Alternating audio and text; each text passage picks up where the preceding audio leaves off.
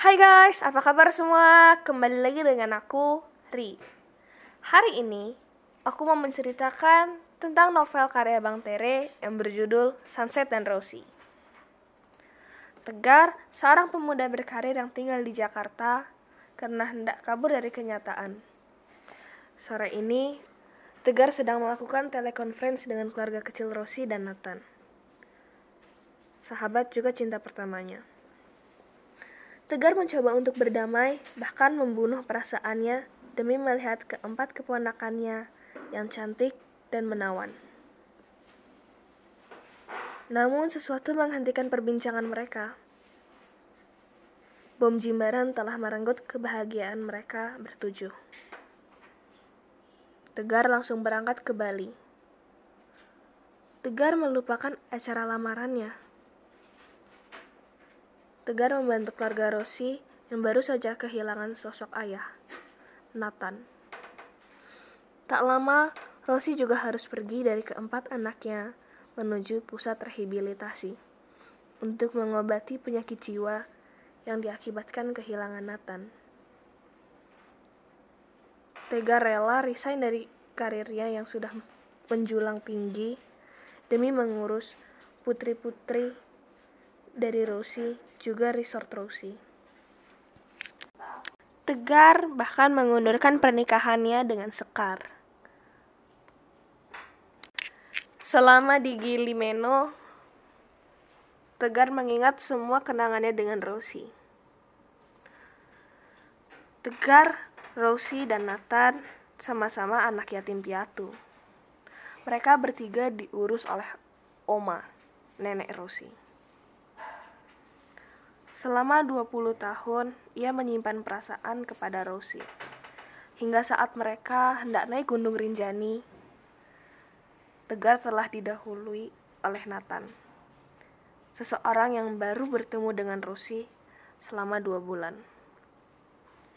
Tegar yang melihat itu langsung turun berlari dari Gunung Rinjani. Ia menyadari bahwa 20 tahunnya sia-sia. Ia pun pergi ke Jakarta. Namun kini ia mencoba untuk berdamai dengan semua kenangannya.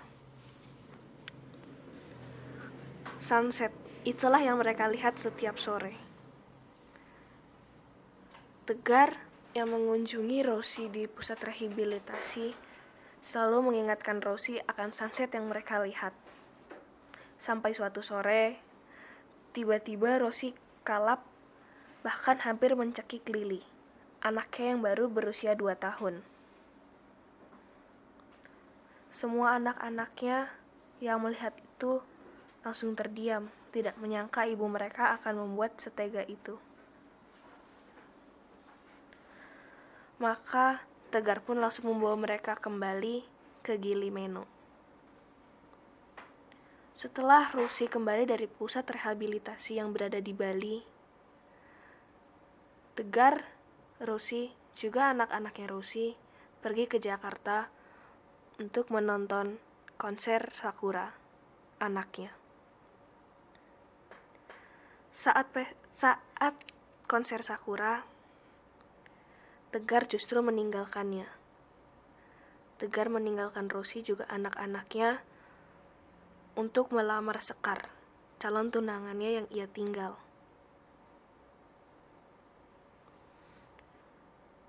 Hingga akhirnya, saat pesta pernikahan Tegar,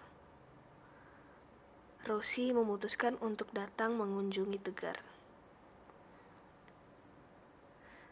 Namun, kejadian tak terduga terjadi di pernikahan Tegar.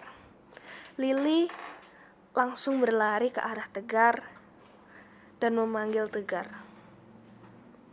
Papa, itulah kata pertama dari mulut Lili. Rosi hanya menangis melihat anaknya. Sedangkan Sekar, ia memilih untuk sakit sekarang. Ia merelakan Tegar untuk bersama Rosi. Daripada melihat Tegar terbebani 10 tahun nanti. Uh, endingnya masih sebenarnya sedikit membingungkan dan kalian bisa membuat endingnya sendiri entah tegar dengan Rosi atau tegar tetap dengan Sekar. Menurut aku dari skala 1 sampai 10 buku ini layak mendapatkan nilai 10 karena ceritanya bagus nggak ngebosenin. Terus banyak kejadian-kejadian yang di luar prediksi pembacanya. Ya walau agak mengharukan sih. Tapi nggak akan bikin hari kalian sedih kalau baca ini. So sekian dari aku. Terima kasih. Hope you enjoy. See you on my next podcast. Bye bye